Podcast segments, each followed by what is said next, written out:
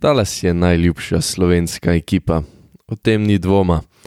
Morda se najde kakšen navijač, ki jih je v srcu nosil že od časov velikega Drka Novickega, veliko je takih, ki to trdijo, vsi pa se zavedamo, da modre in bele barve nosimo od velikega poka po imenu Luka Dončić.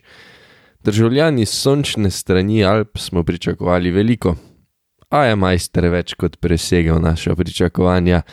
Že tretjo sezono so se mnogi pogovarjali o MVP nazivu, naslovu prvaka, obramnem igralcu leta, zmagovalcu tekmovanja v zabijanju, MVP-u finala, najboljšem košarkarju vseh cajtov.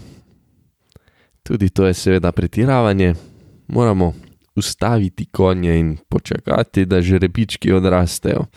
Letos so trdno zakorakali v puberteto, na mojo veliko srečo so se znebili steklene figure iz Latvije in v zameno dejansko dobili izjemnega košarkarja. Čeprav takega vpliva Spencerja Dinwidija, za vse, ki košarko spremljate na areni, ga poznate kot Spencerja Divindija.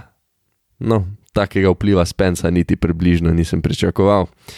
Tisti, ki me berete ali pa poslušate že dalj časa, poznate moje jokanje in tuljenje, kak mevsi nimajo veliko poti naprej. In letos so si jih vsaj delno odprli. Jason Kidd v trenerski funkciji še pušča nekaj dvomov, a tudi on je večkratno presegel moja pričakovanja in Dallas poleg napadalne spremenil še v obrambno silo. Figure so postavljene na svojih mestih. Letos o kakem naslovu žal še ne moremo sanjati, ampak odlična sezona nakazuje, da ima Donke dejansko možnost ligo pokoriti z Mavericksi. Ekipi iz Dallasa še vedno manjka druga violina. Poleg svojega superzvezdnika imajo sicer še ogromno kvalitete, vsi se tega zavedamo, ampak nobene zvezdice, kar v končnici žal največ pomeni.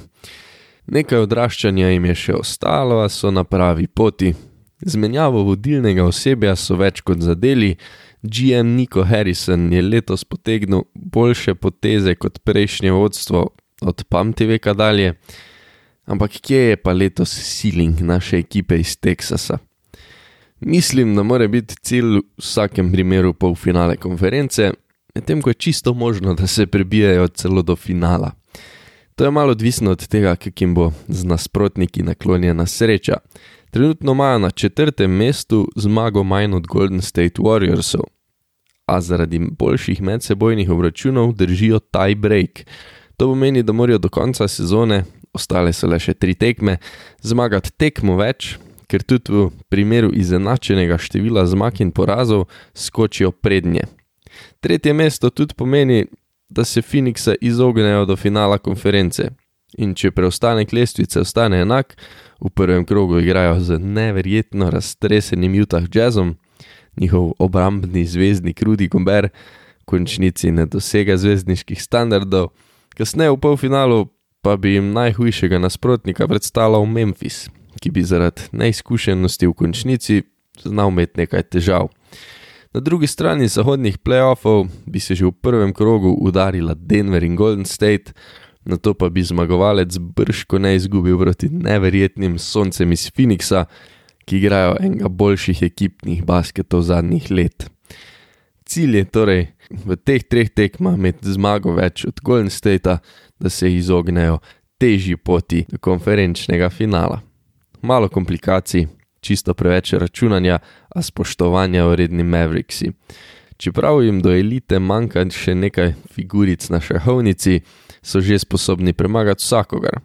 In vse kaže, da ko bo pripravljen Luka, ko vstopi v svoj prime, bo pripravljen tudi Dallas.